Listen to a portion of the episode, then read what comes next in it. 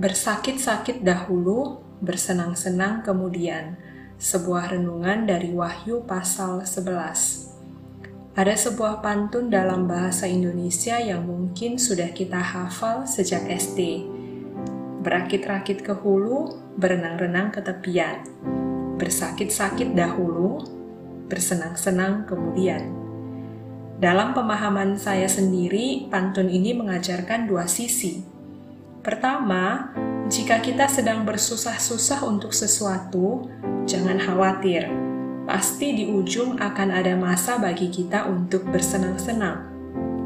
Kedua, jika kita ingin bergembira atas hasil jeripayah kita, tentu kita harus berusaha dan melewati perjuangan yang sulit terlebih dahulu.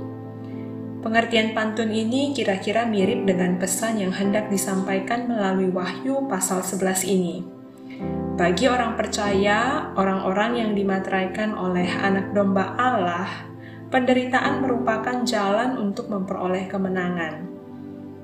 Bisa dikatakan pasal 11 ini memberikan gambaran utuh tentang peristiwa yang akan terjadi di hari-hari terakhir, hari kedatangan Kristus yang kedua.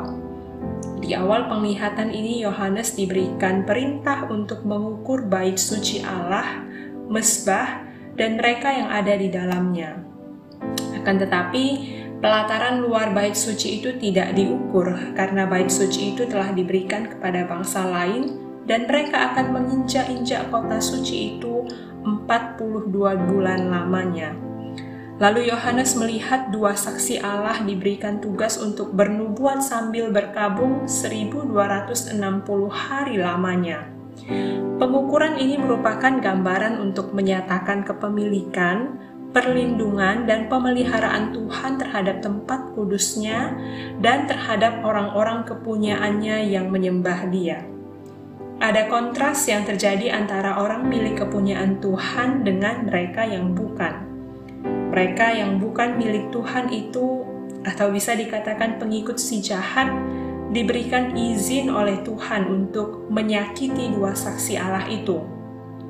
Dua saksi Allah tersebut merupakan penggambaran untuk setiap orang percaya kepunyaan Allah. Orang-orang ini diizinkan untuk mengalami kesakitan, siksaan, dan penderitaan selama 42 bulan atau setara dengan 1260 hari atau sama dengan tiga setengah tahun. Tiga setengah tahun adalah simbol yang biasa digunakan dalam Perjanjian Lama untuk menunjukkan rentang waktu terbatas yang diizinkan Allah bagi musuh bangsa Israel untuk merayakan kemenangan mereka. Artinya, untuk sesaat saja para musuh Israel bisa bersuka cita karena kemenangan semu mereka.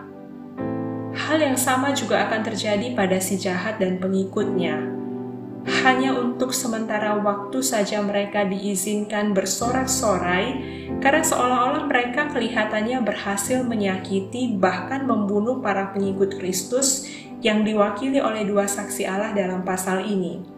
Kedua saksi Allah itu mati. Akan tetapi mereka mengalami kebangkitan sama seperti yang dialami oleh Yesus.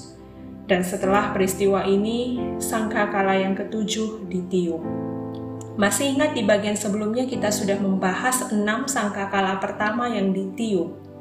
Lalu ada penglihatan yang menginterupsinya yang menceritakan kisah tentang orang kudus umat pilihan Allah.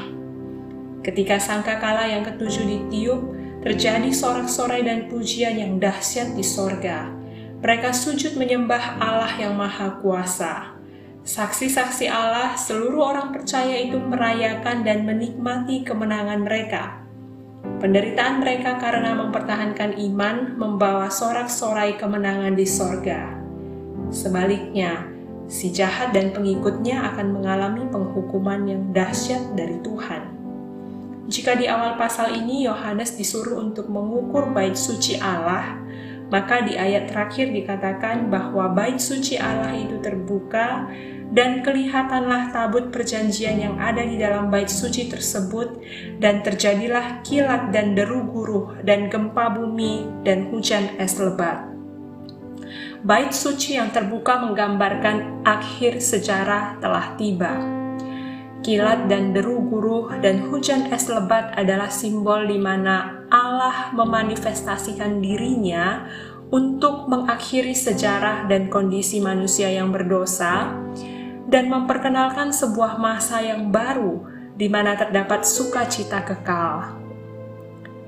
Jika saat ini kita harus bersusah-susah dahulu untuk mengikut Tuhan, jangan patah semangat teman-teman Tetaplah bertahan dan arahkan pandanganmu kepada Tuhan, karena masa untuk bersenang-senang dan bersuka cita itu akan tiba.